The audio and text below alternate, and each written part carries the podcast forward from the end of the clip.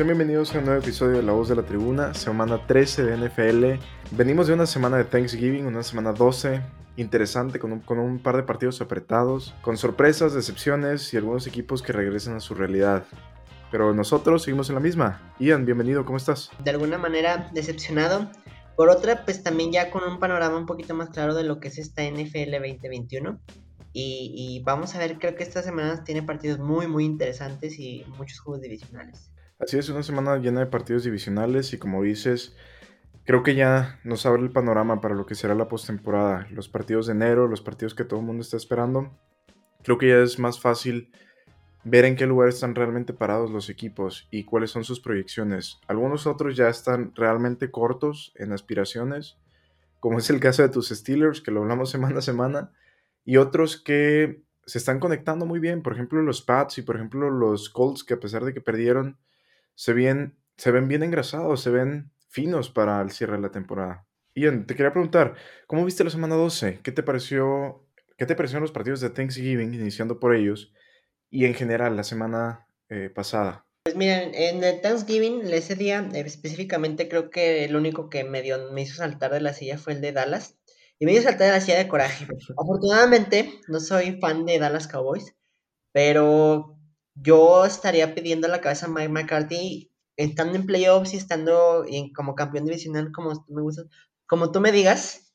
O sea, Mike McCarthy es un freno de mano total para este equipo. O sea, además yo sí ya estoy, yo ya prendo la, la alarma aquí en Dallas porque ya se les acercó Washington. Washington, en este momento Washington tiene el séptimo sembrado de la nacional, con ese récord que tiene. Y gracias, deberían de darle, no sé, no, de un, un enorme beso a los Giants, porque si no, Filadelfia también estaría eh, pegadito a ellos.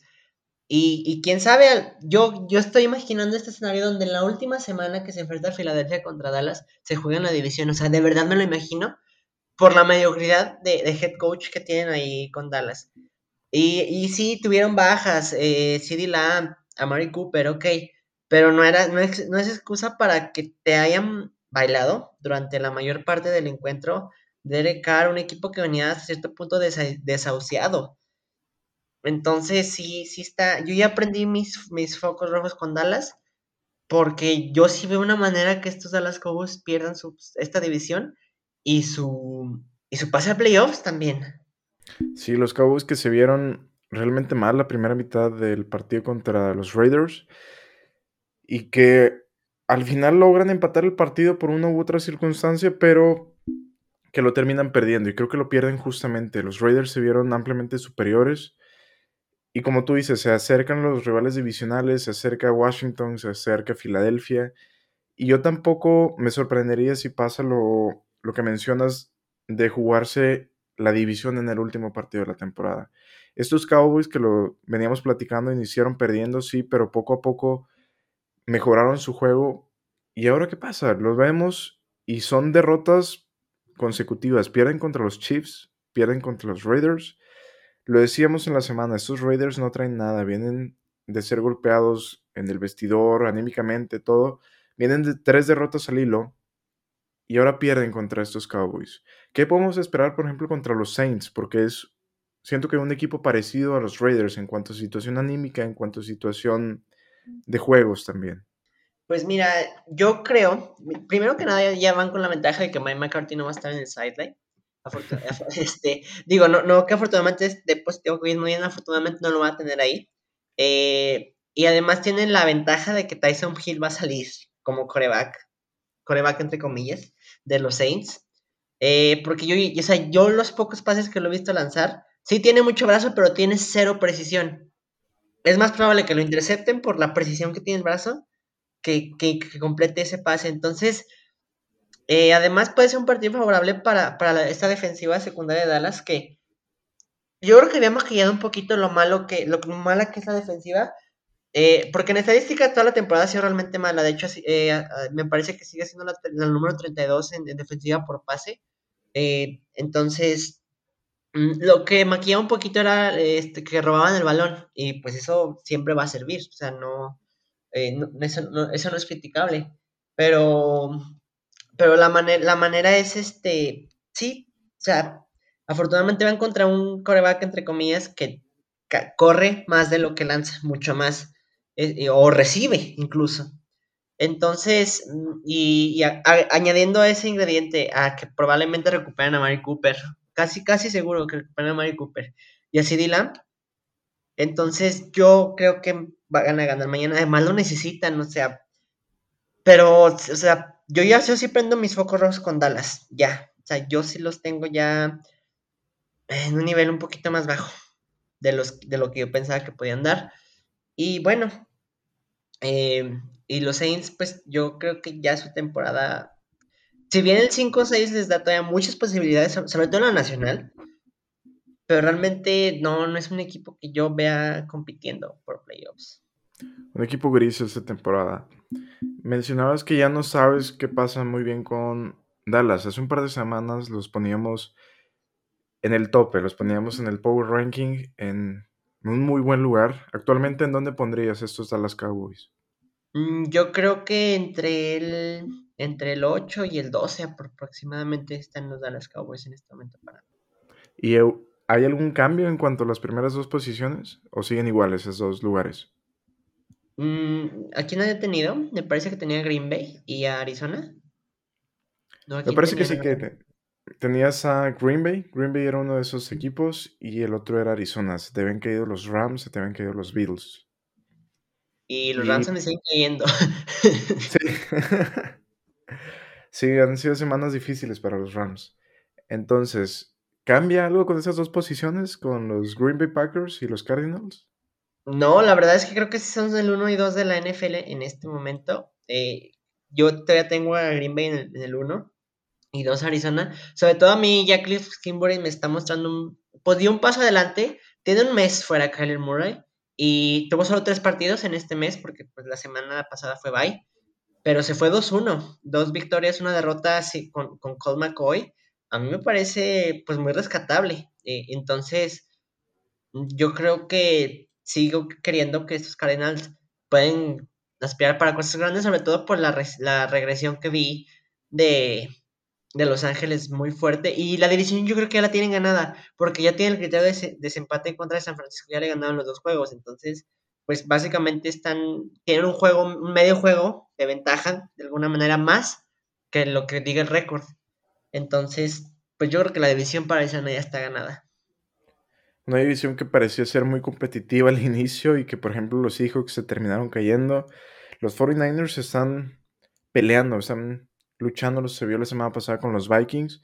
Y, por ejemplo, los Rams, que los poníamos como claros candidatos y que semana a semana se caen y que a pesar de tener coreback nuevo, nuevas ideas que parecían eh, darle frescura a su playbook y a todo el equipo en general, pues se ha visto reducido. Y también Matthew Stafford pues parece que sigue estando en Detroit, que sigue siendo un jugador que lo sacas del equipo, pero que Detroit sigue estando presente en él. Entonces, hay mucho de qué hablar de, eh, de cara a esta semana por parte de los Rams, pero antes de eso te quería preguntar sobre los Chargers, tus Super Chargers que una semana te muestran una cara y a la siguiente otra completamente distinta.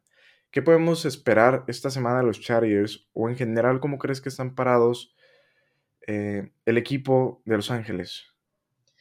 Mira, es un equipo con mucho talento, pero mira, yo no, no solo Justin Herbert me medio decepcionó un poco, porque la verdad es que sí jugó, sobre todo la, la, intercepción del, no del pick six, esa me parece que no fue tanto su culpa, la otra, eh, es la, la que yo digo que sí, ya esa sí se la checo más a él. Pero a mí Brandon Staley ya me, el tipo piensa que está jugando Meden. Si se la está jugando siempre, siempre, siempre, siempre en cuarta. Y, y ok, aplaudo hasta cierto punto es agresivo, pero también tienes que tener un límite. Y eso le está costando mucho a, un head coach que si bien es novato, tiene 38 años de edad, o sea, para ser head coach es muy, muy joven. Entonces, mm, pues tiene esa, esa, excusa, ¿no? De que llega un equipo nuevo, con mucho talento joven, él es joven, pero quién sabe, lo mejor es de estos otros, es del árbol de Sean, de Sean McVay, era coordinador eh, defensivo de Los Ángeles Rams hasta la, temporada pasada. Mm, no lo sé, o sea, también ya estoy empezando a dudar de él. Que al principio aplaudía, pero también te lo dije al inicio de temporada que eso le iba a costar posteriormente. Y eh, en ese le está costando demasiado. Y del lado de Cincinnati, que bueno, que los van a enfrentar, eh, tienen un partido muy difícil los Chargers. Cincinnati, creo yo, que es el mejor equipo del norte de la americana. Sobre los Ravens. Sí, sobre los Ravens, definitivamente. Sí, unos Bengals que vienen de darle una repasada a tus Steelers. Feo, ¿eh? Una repasada fea. No, no cosa sencilla, no. Fueron 31 puntos de diferencia. ¿Qué cara te dejan estos Bengals después de la semana pasada? A mí me. Si bien los Steelers ya sabemos que no son un, un parámetro pues bueno para medir, pero es lo que te digo, cuando te enfrentas contra equipos malos, lo que tienes que hacer es dominarlos y aplastarlos. Y eso fue lo que hizo Cincinnati porque a final de cuentas pues no tienen la culpa del calendario eh, y sobre todo de su división, pues es la que les toca, dos veces al año. Y las dos veces, la primera un poquito menos escandalosa, pero la verdad es que fue muy parecida, o sea, del 24-10 al 41-10, o sea, sí es mucha diferencia en cuanto a puntos, pero, o sea, el, tape, o sea, la manera de juego, pues es, básicamente fue igual, dominaron y, y Rotisberger, híjole, las dos intercepciones que tira son culpa de él 100%. El, la primera es un pase atrasado de, eh, pésimo y, la, el, otro es, no sé qué, hizo, o sea, no leyó, hasta yo, yo, hasta yo vi el safety, por amor a Dios, o sea, y, lo aventó. E, entonces, yo a las dos se las, se las achaco a él 100%. Y bueno, y me van a decir, ¿y por qué no me.? El otro día me decía mi papá, ¿y por qué no meten a Dwayne Haskins? Yo prefiero mil veces perder con Rotisberger, con ya lo último que nos pueda dar, porque yo sé que ni Haskins ni Rudolph nos van a dar pues algo de lo que, algo extraordinario, honestamente. O sea, yo creo que el coreback a futuro de Pittsburgh actualmente no está en el roster. Sí, esa parte sí es. ok. Ah, te quería preguntar sobre Big Ben.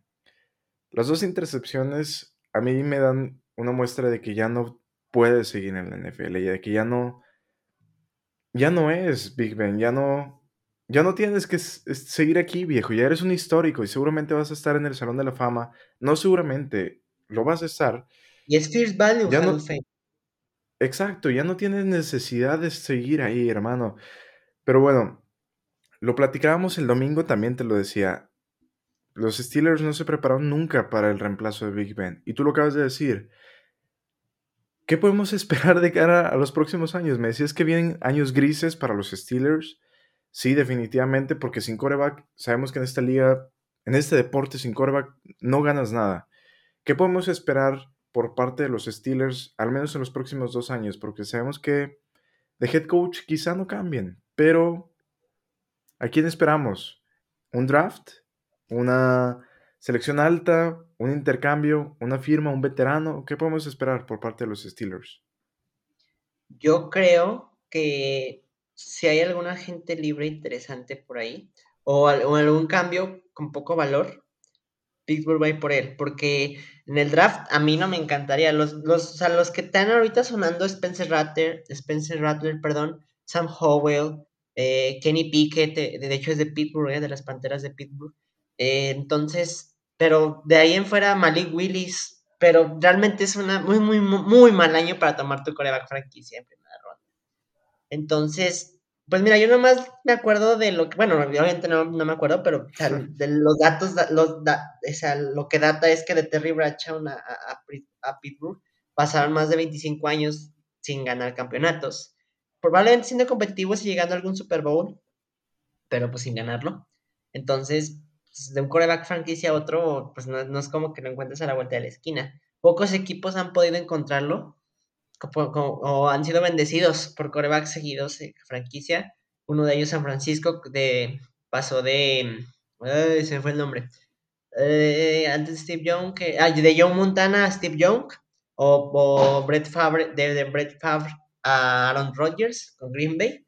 Son los que se ven ahorita a la mente, pero de ahí en fuera cuántos equipos realmente pasan de un quarterback franquicia a otro de un año. Entonces, no es nada fácil. Y yo creo que al menos sí, sí se van a tardar un ratito, si es que van a agarrar un, algún novato, porque no creo que, bueno, más bien este año espero que no agarre un novato de coreback porque ninguno, me, ninguno me genera como confianza para, para, para, la franquicia. Se busca coreback para Steelers y para muchos equipos en, en esta temporada. El pareo contra los Ravens, siendo un partido divisional, un partido muy complicado esta semana. ¿Cómo lo ves parados? ¿Quién llevó este partido y por qué? Mira, este partido yo traigo a Baltimore, pero a mí no me sorprende nada, no, se, no sorprende nada si Pittsburgh lo saca. Mm, o sea, por, por mero talento de roster y además TJ Watt muy probablemente no va a estar disponible para el domingo porque está en la lista de COVID. Em, entonces, yo creo, eh, considero que se lo gana Baltimore. Eh, y, sobre todo, ya, ya vimos que a Pittsburgh le corren a placer. Eh, incluso con Minka, incluso, pues, si bien Minka tuvo, tuvo su, pues, su intercepción, linda, bonita, pero ahí en fuera, ¿qué, ¿qué más puedes pues, hallar al respecto de, de Pittsburgh? Creo que les corrieron, de verdad, o sea, Joe Mixon vivió paseándose por todo el campo. Y, bueno, ya con las bajas, a mí me parece que también, pues la defensiva llega a ser competitiva, pero también es muy fácil cansarla. A mí me parece que, por ejemplo, la, baja de Stephon Intuit que llevamos toda la temporada es, muy sensible. De hecho, es del año pasado. Eh, eh, es un jugador que, es, muy importante para, esa línea defensiva de Pittsburgh. Eh, al principio de la temporada se nos lesiona Tyson Alualu, Cam Hayward pues sigue jugando bien, pero regularmente cuando ves las tomas le hacen doble equipo a la hora del bloqueo, entonces pues es una defensiva que es endeble y, luego pues por aire también Joe Hayden pues no, no te, que si bien estuvo el, partido pasado, pero pues tampoco es como que te da mucha confianza, ¿sabes? Allá es un, es un corner, cornerback novato. De Red Edmonds también se lo comen, de, de 10 se lo comen 8 veces. No sé, hay un chorro de, también ya de huecos que veo en la defensiva. Y bueno, la ofensiva, eh, te lo decía antes de iniciar el podcast. Eh, este es un equipo que seleccionó talento bueno, Najee Harris y Pat Frywood sobre todo. Me parece que son jugadores que, que próximamente, no sé, dos, tres años más, van a estar en el top 3 de las posiciones, tanto Najee como Pat Frywood. Me parecen muy buen, muy buen talento. Pero es un talento que, si bien necesitan un poco, había prioridades y esa prioridad era la línea ofensiva. Y aquí estamos viendo que básicamente todo el mundo le pega a Rotisberger y no lo protege. O sea, ya estás viendo que ya no da y, aún, lo sigue sin proteger. Eh, no sé, eh, eh, me parece hasta pues, risible pensar que, que, con, que con ese talento era suficiente para, competir, pero bueno, esas son las tomas de decisiones que, que, que hizo el front office pero, pues sí, e, e, eso es lo que me queda del lado de Pittsburgh y de, y de Baltimore. Pues es que es un mejor roster. Mm, yo no creo que la María Jackson vuelva a lanzar cuatro, tres intercepciones, perdón, en seis jugadas. como, como fue contra Cleveland. Mm, yo no sabía este dato, de hecho me voló la cabeza. ¿Sabías que 40 veces, no, 41, perdón, 41 veces anteriormente un quarterback había lanzado cuatro intercepciones y las 41 veces había perdido hasta que jugaron contra, hasta que Lamar Jackson lanzó cuatro intercepciones esta semana y ganó. Es el primer coreback en la historia de la NFL que lanza cuatro intercepciones y gana. Así, así de fácil. para Lamar. Así de fácil y de sencillo. Entonces, mm, pero también Baltimore está jugando mal. Eh, la defensiva está cuajando un poquito más, pero aún así también eh, no sé qué, qué, Ravens voy a encontrar. Si unos Ravens que actualmente son el primer sembrado en la conferencia americana, ¿tú crees que terminan así? ¿O quién crees que será el primer sembrado para la postemporada? Mira, eh, sobre todo en la americana me parece una pregunta muy, muy difícil de contestar ahorita, pero si en este momento tuviera que, que decir el primer sembrado de la americana, yo creo que va a ser Kansas City. Por el récord que llevan, por su calendario, etcétera, creo que Kansas City puede ser el primer, el primer sembrado de la americana. Kansas City, un equipo que lo poníamos hace un par de semanas, pues prácticamente que iba a pelear, que ni siquiera iba a ganar su división y que bueno, lo veíamos complicado al inicio, que ganara la división, se la poníamos más a los Chargers o a los Raiders, pero sabemos que son equipos que se cayeron. Actualmente yo sí veo muy claro que ganen su división. Pero ya hablar de los Chiefs como primer sembrado, todavía me cuesta comprarlos un poquito, porque sí han mejorado, pero no los veo tan, tan eh, enchufados como años pasados como para ser el primer sembrado.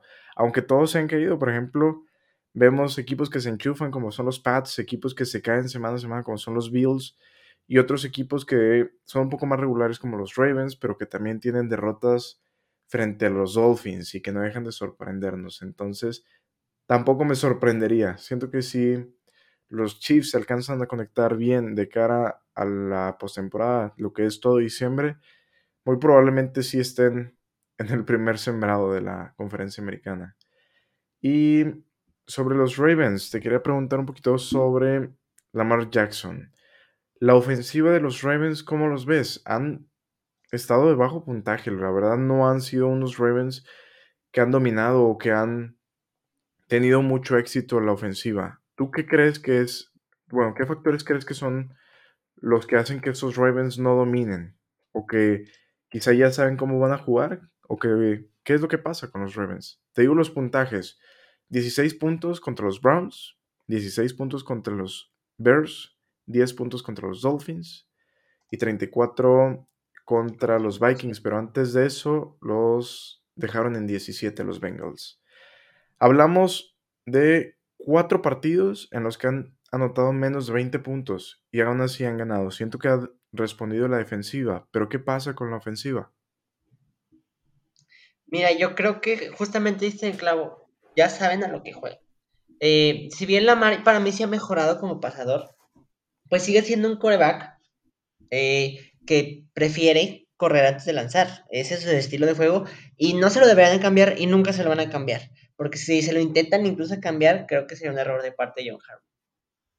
Eh, pero ya todos sabemos que juegan mucho al play action, al engaño, a la carrera. Entonces, sí debe de, todavía debe mejorar un poquito más. Eh, y sí, se ha hecho predecible. Para mí sí. Se ha hecho una ofensiva predecible de parte de Baltimore. Pero muy mejorable, afortunadamente. Además, les, tienen una superventaja de que el récord les ayuda un montón. O sea, un 8-3, pues se está viendo bien, o sea, se sigue viendo bien un 8-3 en, esta NFL, en irregular sobre todo. Entonces, sí, creo que, creo que dice justamente el clavo, es, es que ya saben a lo que juega Baltimore. ¿Una ofensiva predecible gana el Super Bowl o no la gana? No, no, o sea, eh, que las últimas ofensivas predecibles que recuerdes la última ofensiva predecible que recuerda que ganó un Super Bowl es la de Broncos eh, del Super Bowl 50 y, esa ofensiva metió más de 40 puntos en el Super Bowl, entonces...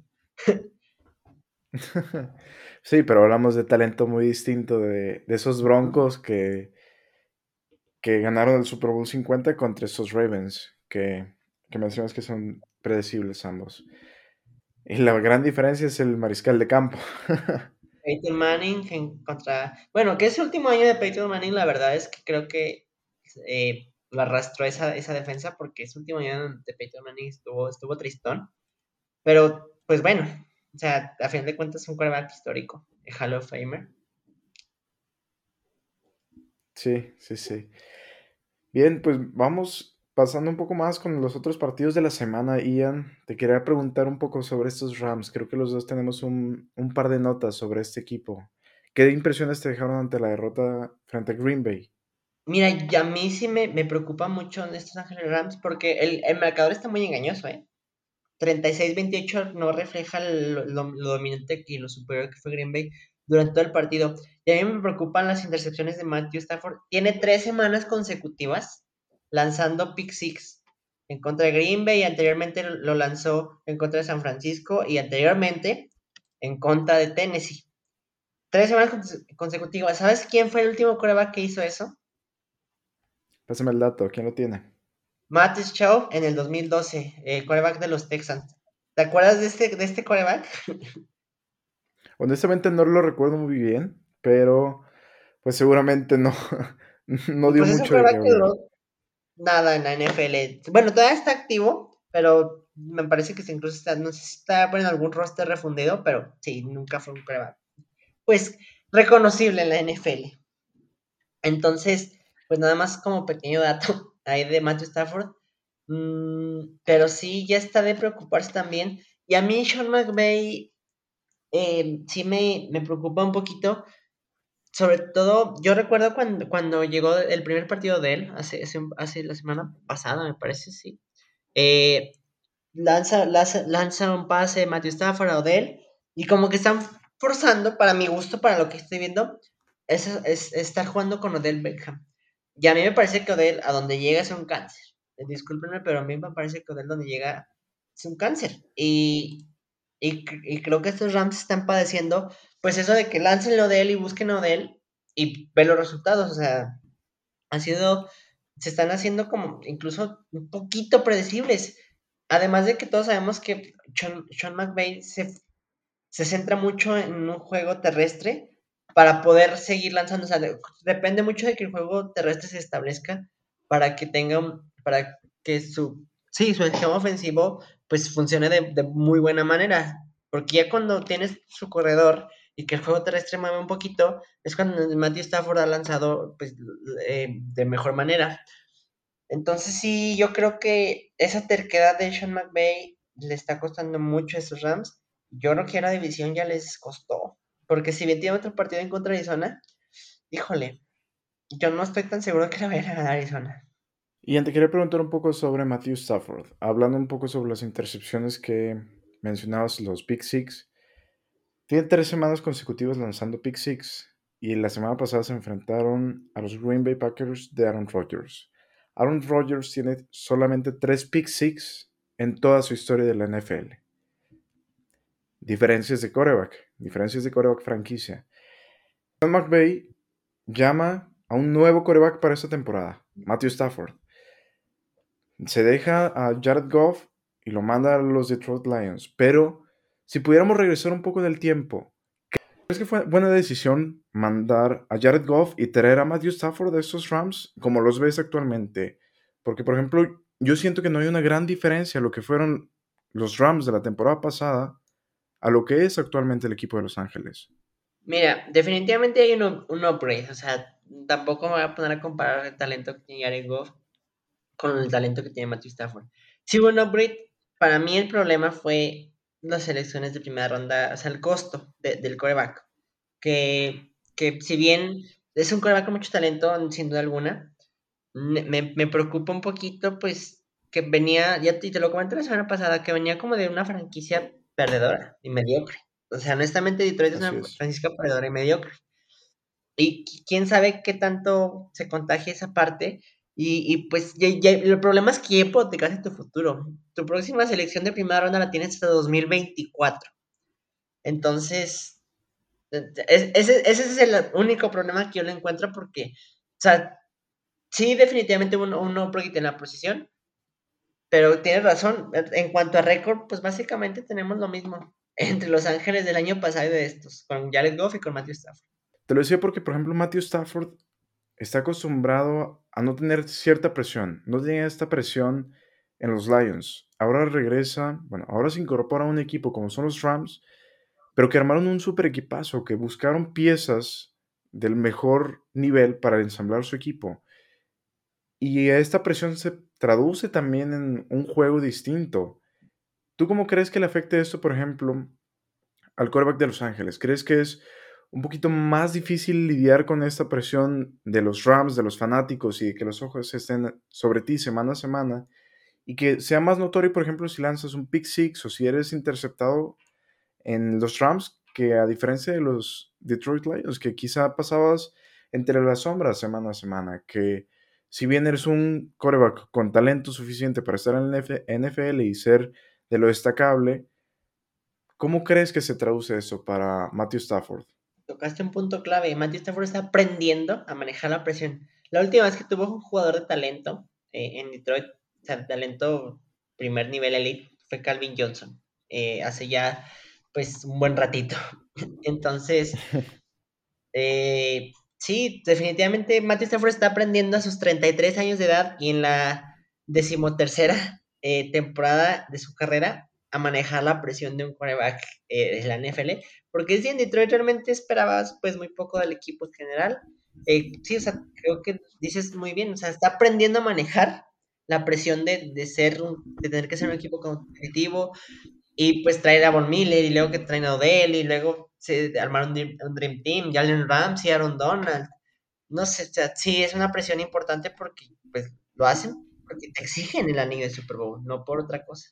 ¿Crees que le alcanzará a Matthew Stafford y compañía para al menos estar en el Super Bowl, según lo que ves de estos Rams en la semana 12? No, yo creo. Mira, es que yo creo que el mejor equipo de la NFL es Green Bay. Y, y si seguimos esa lógica, pues deberían de pasar, pero pues ya van finales de conferencia perdidas consecutivas de este equipo. Entonces, en playoffs todo puede pasar. Mm, sí. Mm, mira, mi pick de Super Bowl sigue vivo. Los Rams, Bills, pero la verdad es que no creo que ni uno ni otro llegue. Ya en después de ver un poquito, no tengo, ya no tengo confianza en ese pick, pero sigue vivo y voy a morir con él. O sea, hasta que ya no sea posible, eh, voy a seguir sosteniéndolo. Pero yo creo que al menos este año está muy complicado que lo saque. O sea, no lo veo ya en este momento, en las previo a la semana 13 de la NFL, no veo, a, no veo a Los Ángeles Rams llegando a Bowl. Sí, yo también tengo un pick parecido, yo tengo los Bills, pero frente a los Bucks. Y los Bucks mueven un poquito más la patita que, que los Rams, siento, pero... Muchito más. Los Bills, son los, los Bills son los que se nos están cayendo a los dos, el, el pick que compartimos. Bien, uh, ya repasando un poquito esto sobre los Rams se enfrentan a los Jaguars, un partido que parece ser muy desequilibrado y que en teoría deberían ganar los Rams. ¿Tú te vas con los Rams en este pick o esperas una sorpresa, catástrofe? en este partido. No, no, no, tampoco, no creo que Urban Meyer sea tan competente como para sacar el juego de Ram. la línea está menos 13.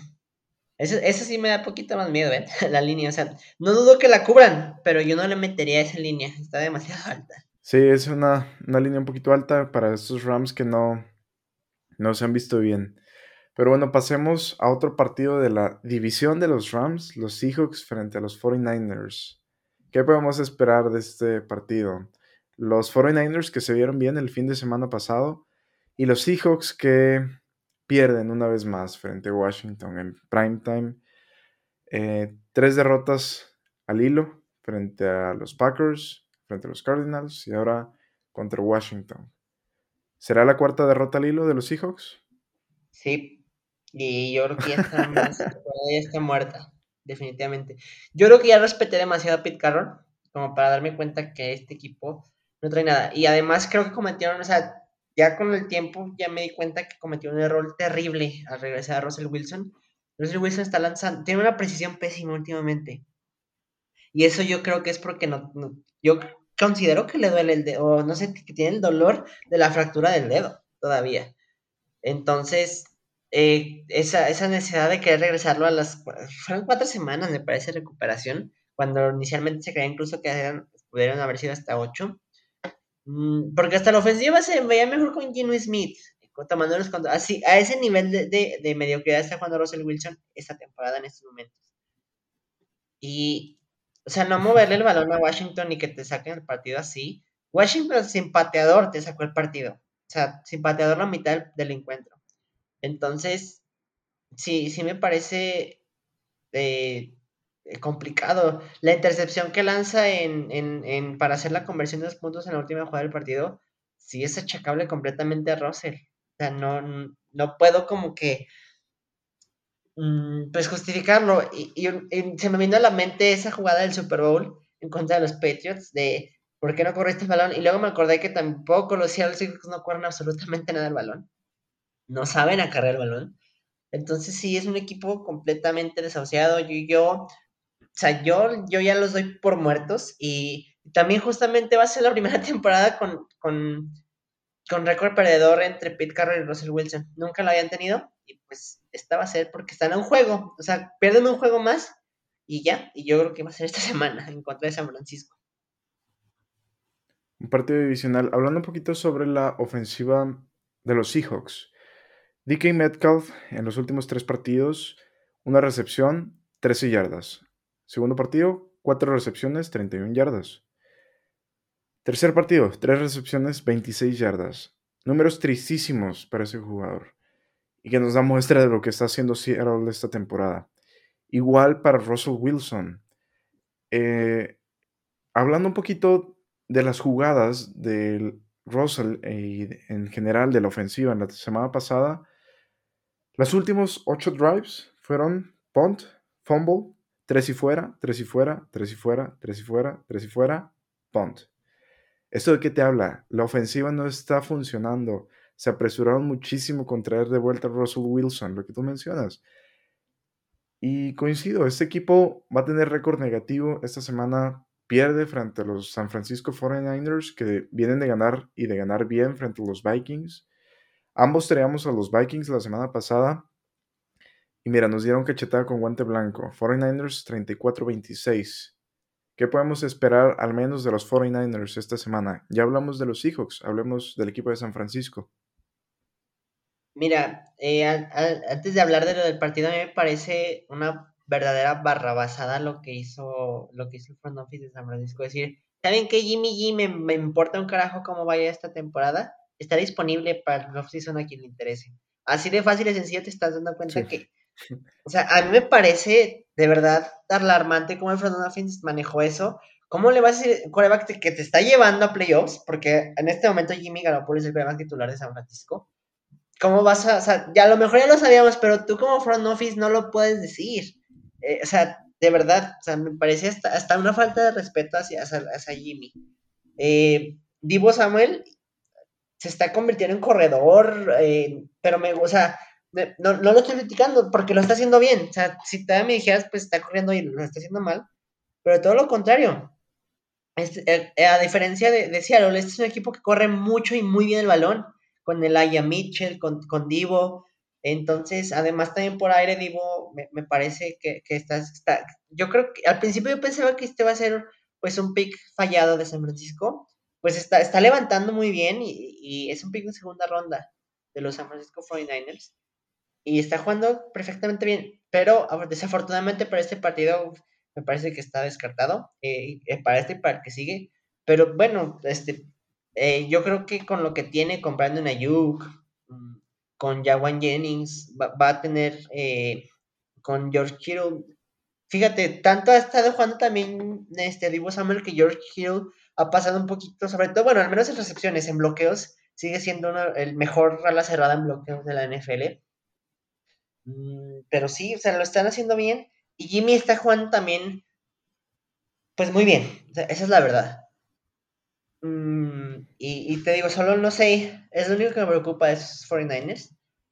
Pues, ¿cómo, cómo sale el front a decir, a mí me importa si incluso Jimmy Garoppolo me da el Super Bowl?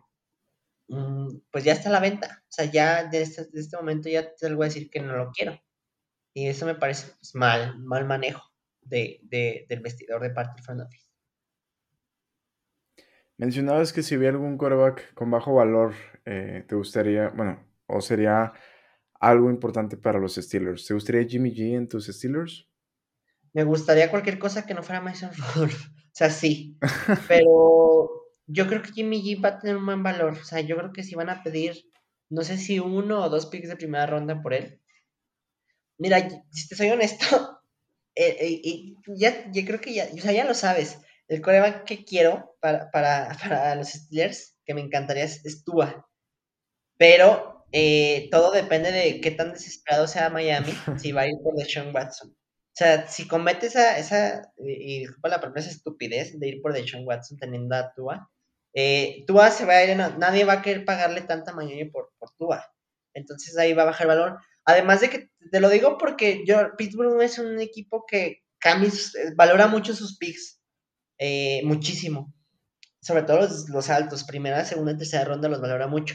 Eh, la última vez fue con Minka, que sí se deshizo de primera ronda, pero anteriormente, pues no. La última vez, no, no recuerdo alguna vez que Pittsburgh haya cambiado su pick por un jugador ya en la NFL de primera ronda. Te digo, es un, es un equipo que valora mucho, mucho el draft y, porque lo hace bien, también hay que decirlo, Pittsburgh draftea bien, o sea, draftea buen talento. Eh, Pero sí, yo por eso, yo sí no veo tanto a Jimmy en, en, Pittsburgh. Bien, entonces, ¿con quién nos quedamos para este partido? ¿Con quién te quedas en los picks? A San Francisco. O sea, creo que a mí me sorprendería mucho que Seattle lo sacara. Con todo y Pete Carroll y los Wilson, a mí me sorprendería mucho que Seattle sacara el encuentro. Esa es la verdad. O sea, por talento defensivo, también Jamal Adams me parece un tipo nefasto ahí que acaba de, de a Vince, Vince Wilfork en, en, en, la tabla de intercepciones. Vince, Vince Wilfork, para quien no recuerde, era un línea defensivo que pesaba como 154 kilos. Es más, hay una foto en, internet. Me, me, parece, me parece muy graciosa la imagen de que lo acaba de superar con cuatro. Vince, Vince Wilford tuvo tres intercepciones en su carrera, pero en un línea defensivo.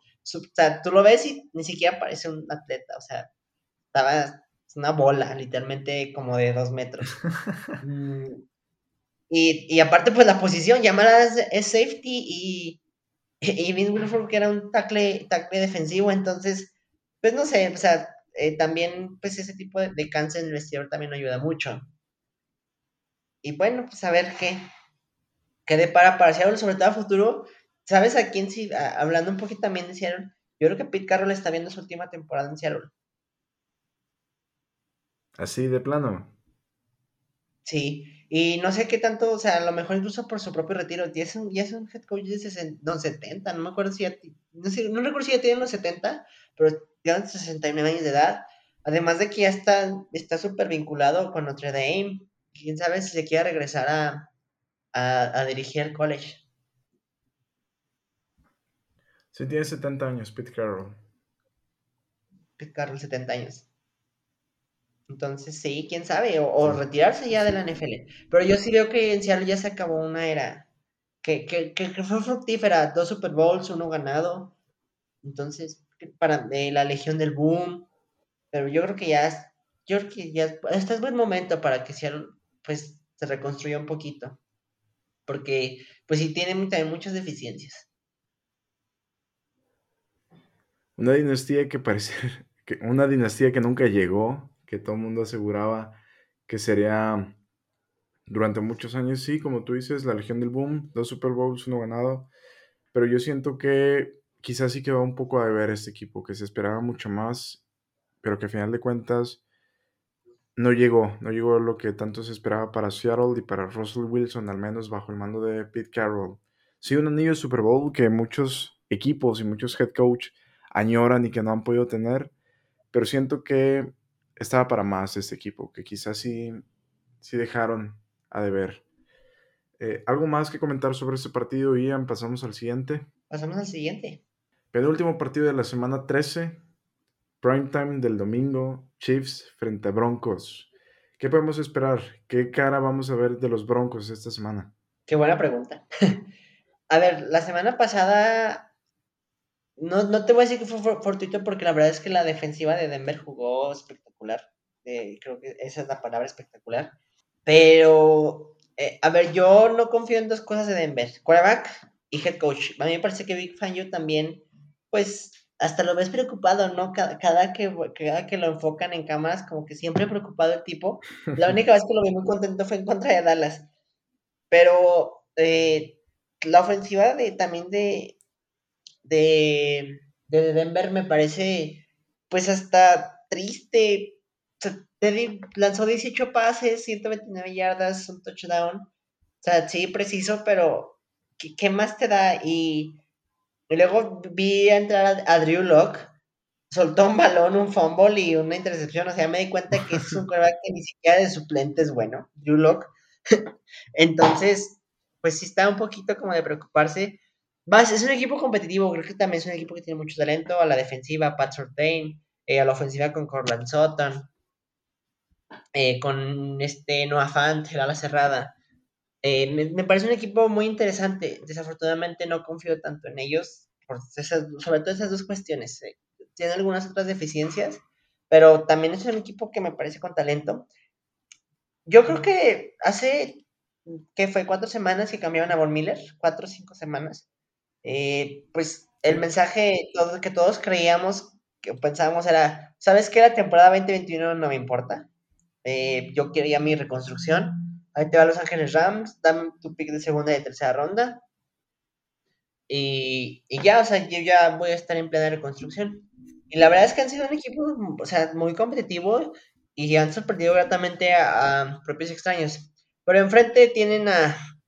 Van a ir a visitar a Kansas City, a la Roje. en unos chips que vienen enchufadísimos. Eh, vienen de la semana bye, después, pero en el anterior partido, pues dieron un golpe de autoridad en contra de, los Dallas Cowboys. Mm, y bueno, por incluso talento de roster, también no hay, que, no hay que negar tanto esa parte. Pues Pat Mahomes, pues sí tuvo al inicio de la temporada pues difícil o, o a media temporada, pero estos son los chips que de repente conectan y ya nadie los para. Y yo creo que están justamente en este momento, de que, es, la, es, la, es la época importante del año. El cierre de la temporada regular para meterse embalados a los playoffs. Por eso es que te digo que yo creo que este equipo pues, va a empezar a jugar. No te voy a decir que la defensiva la va a encontrar y va a ser una defensiva elite, pero va a ser la defensiva oportunista que, que, de que robaba balones. Muy parecido a lo que hacía Dallas antes de este colapso que no es buena, pero es oportunista y roba balones y maquilla un poquito pues las deficiencias. Y, después de Denver tiene a las Vegas Raiders, o sea, dos juegos divisionales importantes, tres, y luego los Chargers. Entonces, pues sí, básicamente está su división aquí. Eh, pero sí, yo creo que me quedo con Kansas City que gana local. Que andan de local. ¿Sabes qué me recuerda este equipo de Kansas? Me recuerda mucho a los, a los Bucaneros de la temporada pasada, que se embalaron muy bien para postemporada y que ya nadie los frenó. Al inicio también los Bucks tenían un poquito de complicaciones. Decíamos que Tom Brady se estaba acostumbrando al equipo, que nadie lo hace en su primer año. Pero al final de la temporada los vimos y se enracharon y se enracharon muy bien. Caso que puede ser parecido para los Chiefs esta temporada. Yo también comparto pick, me voy con Kansas en este partido frente a los Broncos. Y te lo decía hace un momento, estos Chiefs van a ganar su división. Los Chargers ya no tienen con qué ganarle y mucho menos los Raiders. Entonces, no espero sorpresas para este partido. Hablando de otro partido divisional, los Bills frente a los Patriots. ¿Cómo ves este juego? ¿El partido de la semana o cuál es el partido de la semana para ti? No, sin duda es el partido de la semana. Mira, por morbo, por, por también el récord, la división, este, ya de calle es el partido de la semana. Es el primer enfrentamiento entre estos dos en el High Mark Stadium en Buffalo, en, el, en Orchard Park no, Orchard Park, perdón.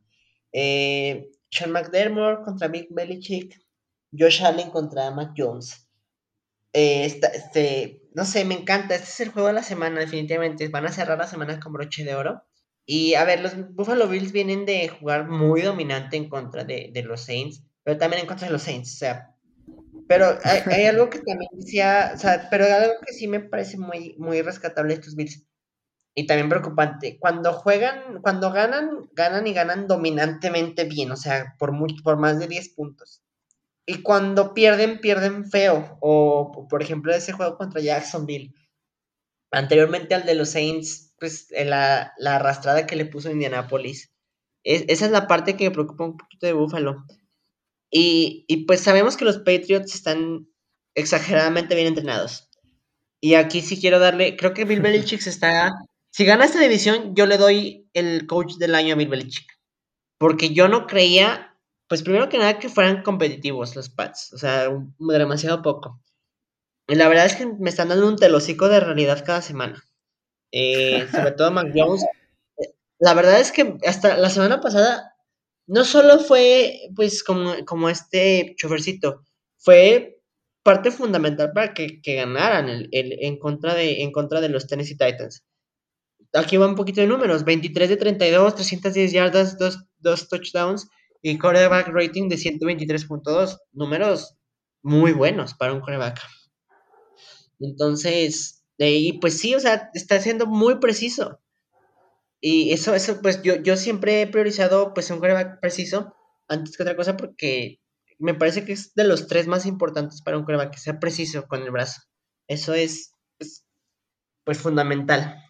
Em, es, un, es un pario muy interesante. Es un juego que va. Yo, yo espero que sea incluso un juego, pues a lo mejor no de tantos puntos. Eh, sobre todo, eh, no, me. contra esta defensiva, contra JC Jackson, yo creo que incluso voy a ver, pues, intercepciones de, de Josh Allen. Me, me late. No sé por qué tengo, a, los que les gusta apostar, pues, por ahí, por ahí tengo, pues, Yo también espero un partido de muy pocos puntos, Ian. No de pocos, fíjate. No necesariamente, pero el over-under está en 43.5. Ah. Eh, bueno, mira, el over-under está en 43.5. A mí sí me gusta para el under este encuentro, ¿eh? ¿eh? sobre todo, pues, las defensivas de Bill, Belichick, de son muy disciplinadas. Entonces, me agrada, me agrada. ¿Tú qué tienes que comentar, Aldo, de este encuentro? Yo también las traigo bajas. Eh, considero que va a ser un partido muy, muy cerrado. De mucho tiempo del balón por parte de los Pats. Siento que ese va a ser el, la manera en que pueden ganar ese encuentro. No por aire, sino por tierra. Y pases cortos de Mac Jones y que el tiempo se vaya corriendo. No darle el balón a los Bills en su casa. Siento que por ahí puede ir la estrategia. Y como tú dices, las defensivas de Bill Belichick suelen ser muy bien aplicadas y que no va a ser la excepción esta semana. Me gusta un partido que sea un 21-17, más o menos. Es lo que traigo en mente para este partido y hasta se me hace mucha la, diferencia de, del 21-17, 4 puntos. Siento que por ahí puede ser también un gol de campo. ¿Sabes en cuánto está la línea? Dos y medio en favor de Búfalo. La localía es lo, que es la línea. Si este partido fuera en el Gillette Stadium, sería al revés. Sí, definitivamente. ¿Con quién te quedas? ¿A quién tomas? Eh, híjole, te voy a decir por qué toma Búfalo. Y ya sé que los Pats me van a decir, este, otra vez eh, odiando los Patriots. La verdad es que yo creo que van a ser playoffs, o sea, por ese lado. Porque creo que la división, hasta por talento de roster, la, la obligación de ganarles de Buffalo. Eh, por otro lado, me fijé en el calendario, es los Patriots, partido complicado. Luego van a Tampa eh, a enfrentar a Tom Brady. Y si Tom Brady tiene hijos, pues se llaman Buffalo Bills. sí. yo creo que se lo van a perder. Y luego viene Carolina, que es, deberían de ganarlo y otra vez New England. Entonces, estos próximos cuatro partidos son pues de vital importancia para Buffalo. y yo creo que sí, porque yo creo que, es más, yo creo que la, división se define esta semana. O sea, si pierden este, por, los, por el calendario que tiene Buffalo, yo creo que ya perdido la división. Entonces, yo creo que la urgencia está, y la obligación es más de Buffalo. Y, yo me quedo con ellos para ganar el encuentro. Además, el partido es en Buffalo.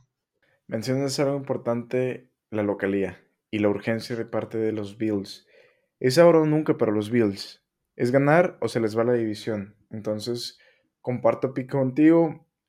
Actualmente los Pats son un equipo muy caliente, seis victorias al hilo, pero yo tampoco creo mucho en los equipos que se enrachan tanto. Siento que puede haber una regresión quizá un poco mínima, no, no ver los Pats, por ejemplo, del inicio de la temporada, que eran unos Pats que carecían en ambos costados del balón, pero no los compro una semana más. Siento que hay que saber distinguir cuando un equipo es válido para comprarse y cuando hay que bajarse del barco. Y esta semana no me quedo con Bill Belichick como lo he hecho la mayor parte de la temporada. Voy también con los Buffalo Bills. Me gusta ese menos 2.5, pero ojo que también puedes, ese punto 5 puede ser un poquito peligroso, un poquito engañoso. Y en cuanto a bajas, me gustan, me gustan esas bajas. ¿Tú qué resultado más o menos estás esperando para ese encuentro? Mm, yo, este, sí, probablemente, no, sí, un 20, ni siquiera el 21. Yo creo que justamente van, algún, van a estar 17-17 en el último cuarto y el gol de campo lo va a definir. Sí, yo también veo un, un marcador muy, muy parecido. Entonces, veamos cómo nos van los picks.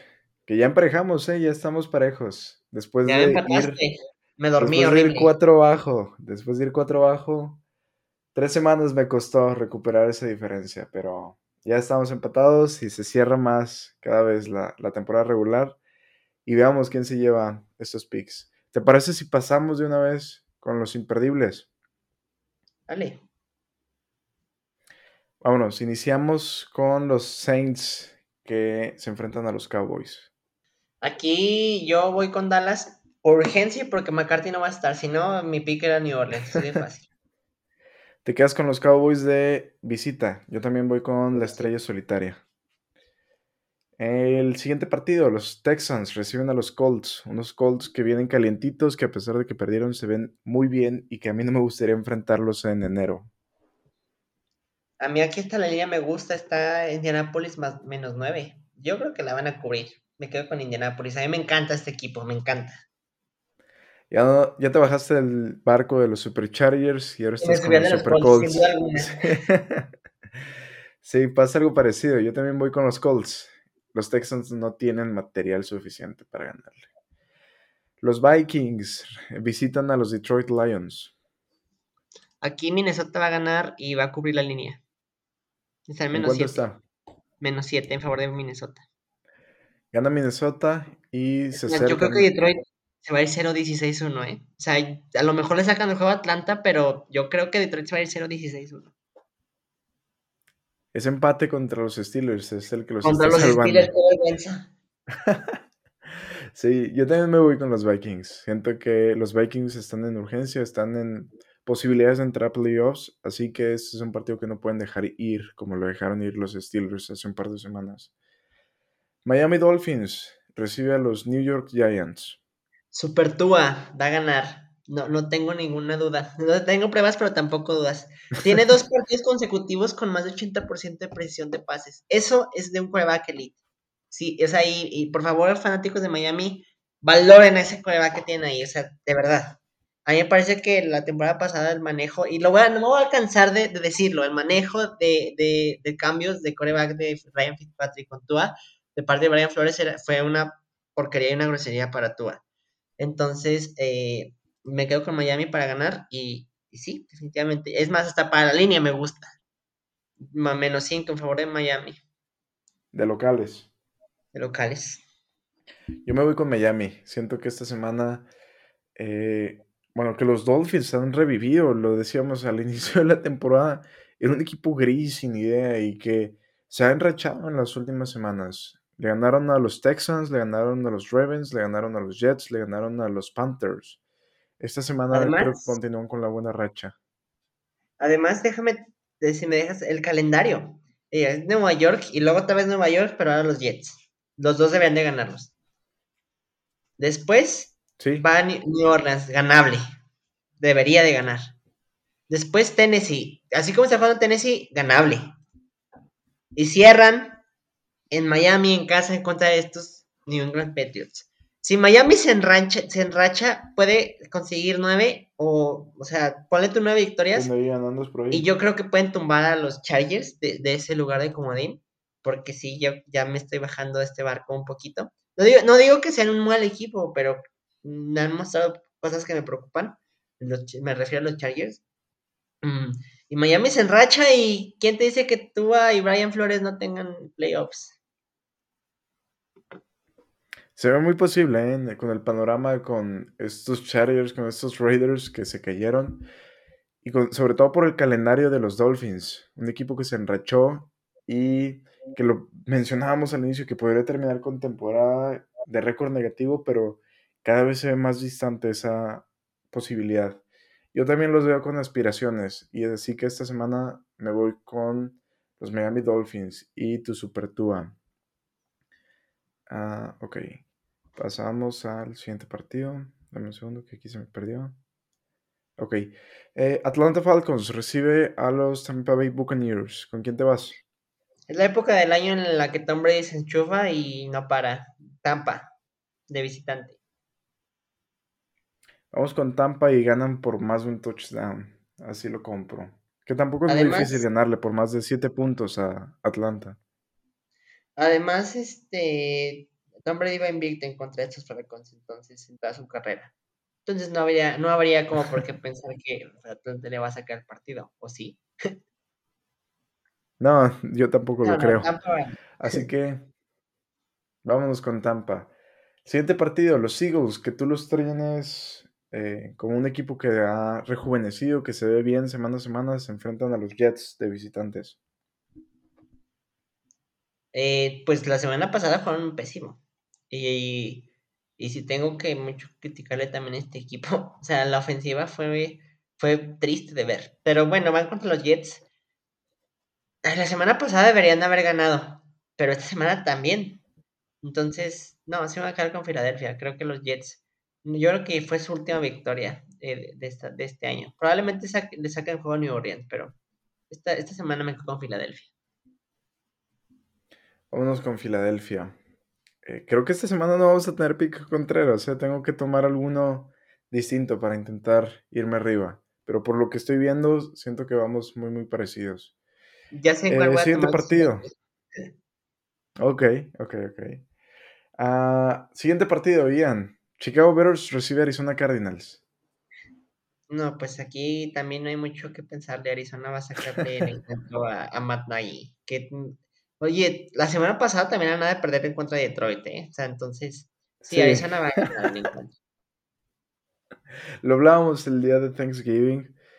Los Bears estuvieron muy, muy cerca y si perdían ese partido era para que corrieran en ese mismo instante Matt Nagy. Así que esta semana me voy con los Cardinals, un partido ganable y que en, realidad no debería haber problema para esos Cardinals. Siguiente partido, Bengals reciben a los Chargers. Aquí eh, me voy a quedar con Cincinnati desafortunadamente, por rival adicional, pero me está gustando lo que están haciendo, están madurando lo están haciendo bien. Me va a quedar con Cincinnati para ganar, además están en Cincinnati. El viaje es largo de Los Ángeles al estado de Ohio, en Cincinnati. Los Bengals van a ganar el encuentro, creo yo. Ganan los Bengals de Joy Burrow. Sí, yo también comparto pick contigo. Los Bengals que se han visto bien y es un equipo que tú colocas como el mejor de su división sobre los Ravens. Veremos cómo, cómo les va al final de la temporada. Es un equipo que sin duda va a estar en, playoffs, va a jugar en enero. Eh, pasamos al siguiente partido. LA Rams reciben a los Jaguars. Pues si no han quemado a Los Ángeles Rams, este es el partido para quemarlos en, en Survivor. de aquí va a ganar Los Ángeles. Ganan los Rams, vamos. Esta semana mi pick de Survivor, a pesar de que ya me eliminaron los Cowboys, son los Eagles. Eh, es un equipo que no había quemado, que no había arriesgado y esta semana es mi recomendación para Survivor. ¿El tuyo cuál es? Los Rams, pero ya lo habías quemado. Es, bueno, supone, no, no, yo no había quemado a Los Ángeles Rams.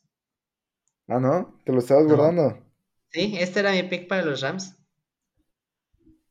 Y nos echaron semanas antes. sí, me echaron los, malditos Titans en contra de los Texans. Por eso nunca tomen divisionales, chavos. Regla número uno en los picks de Survivor. Bien, pasamos al siguiente partido, Ian. Raiders reciben a Washington. Este es el pick que yo, o sea, me voy a ir contra ellos porque me parece un juego súper parejo. Súper parejo. Eh, entonces, de hecho va a estar bueno, ¿eh? O sea, se van a dar duro estos, estos dos, porque los dos, los dos en este momento tienen, bueno, Washington está en el séptimo sembrado de la Nacional y, Las Vegas está peleando ahí justamente eh, el pick contra los Chargers, el, el pick, el, sembrado. Mm, yo, bueno, aquí, ¿con quién te quedas tú? te ¿Me lo vas a respetar? Esta semana no sé, es muy complicado. Pues siento que la localidad va a ser la diferencia de Las Vegas Raiders. Me gusta Washington a medias, lo que vi la semana pasada frente a Seattle, siento que fue un poquito una buena impresión, pero los Raiders también se vieron bien frente a los Cowboys, así que esta semana, al ser un partido tan parejo, compra los Raiders de locales. Por, por tener el pick diferente, me voy a quedar con Washington. Aquí alguien se va arriba. Vámonos con el. Vámonos con el primer pick Contreras. Y seguramente van a quedar empate, no más falta eso para que nos vayamos iguales. ¿Quién sabe? Vámonos con el primer pick Contreras de esta semana. Tu Washington, yo Raiders. Veremos qué tal nos va. Eh, prácticamente cerrando la semana 13, Steelers reciben a los Ravens, tus Steelers. Ay, Pittsburgh, Pittsburgh, va a ganar Baltimore, nos va, nos va a sacar el encuentro. No creo que nos vuelvan a palear, ¿Te pero sí nos el encuentro. ¿Te sorprendería si lo ganan Steelers?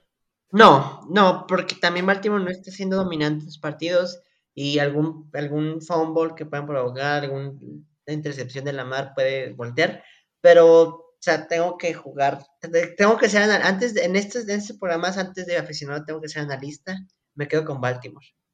Al ser un partido divisional, creo que no hay sorpresas, que realmente nunca va a ser tan disparejo un partido divisional, así que a mí tampoco me sorprendería, pero también me voy con los Ravens, con Super Lamar, que la semana pasada tiró cuatro intercepciones.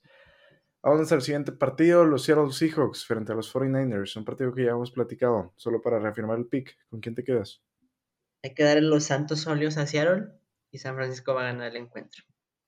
Vámonos con San Francisco. Eh, penúltimo partido de la semana 13, Kansas City Chiefs reciben a los Broncos de Denver. Kansas gana en casa. Gana Kansas en el Arrowhead. Compartimos pick. Y el último partido de la semana, Bills Patriots, un partido que define la realidad para ambos equipos, un, partido que dice en qué lugar están realmente parados tanto los Bills como los Pats. ¿Con quién te vas? Híjole, aquí está difícil, pero sí, Buffalo tiene que ganar. Y sí, ese es mi pick. Vamos con Buffalo por la localía, vamos con Buffalo por la urgencia, ya lo habíamos platicado hace un momento, pero que también Bill Belichick y los Pats saben cómo jugar ese tipo de partidos. Así que no sería sorpresa al igual. Es más, yo creo que se van a ir 1-1. O sea, en, este, justamente en esto, si Buffalo gana el lunes, el siguiente lo va a ganar New England. Sí, lo gana en casa. Siento que, de hecho, es, es mi idea también que los Patriots van a ganarlo en el Gillette Stadium. Lo hablábamos un poco sobre quién sale favorito. El partido que se juegue en el Gillette Stadium van a salir los Pats en favor de la línea y siento que también lo van a ganar. Bien, Ian, pues nos vamos con un pick Contreras únicamente para esta semana 13. A ver quién se va arriba en, esta batalla de picks. ¿Algo más que quieras platicar? ¿Alguna noticia? ¿Alguna eh, algo que esperes de cara a la semana 13 o lo dejamos para la próxima semana? No, yo creo que nos, nos vamos para la próxima semana. Eh, creo, que, creo que quedó un muy buen podcast. Eh, me agradó. Estuvo, muy interesante. Semana, semana muy buena.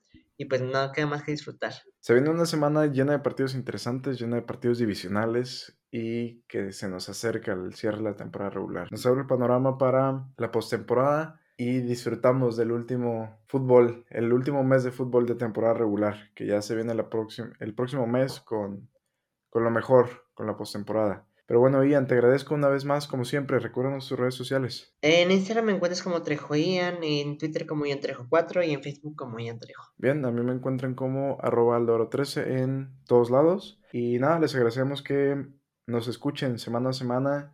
Recientemente fue el fin de año para Spotify y para los podcasts también. Les agradecemos, nos fue muy bien en este año que inició el, programa y esto es gracias a ustedes, gracias Ian también por estar presente en esta temporada de la NFL. Y nada, gracias, nos escuchamos en la próxima semana, en el próximo episodio. Y recuerden que como siempre, nos vemos en la cancha. ¡Ánimo!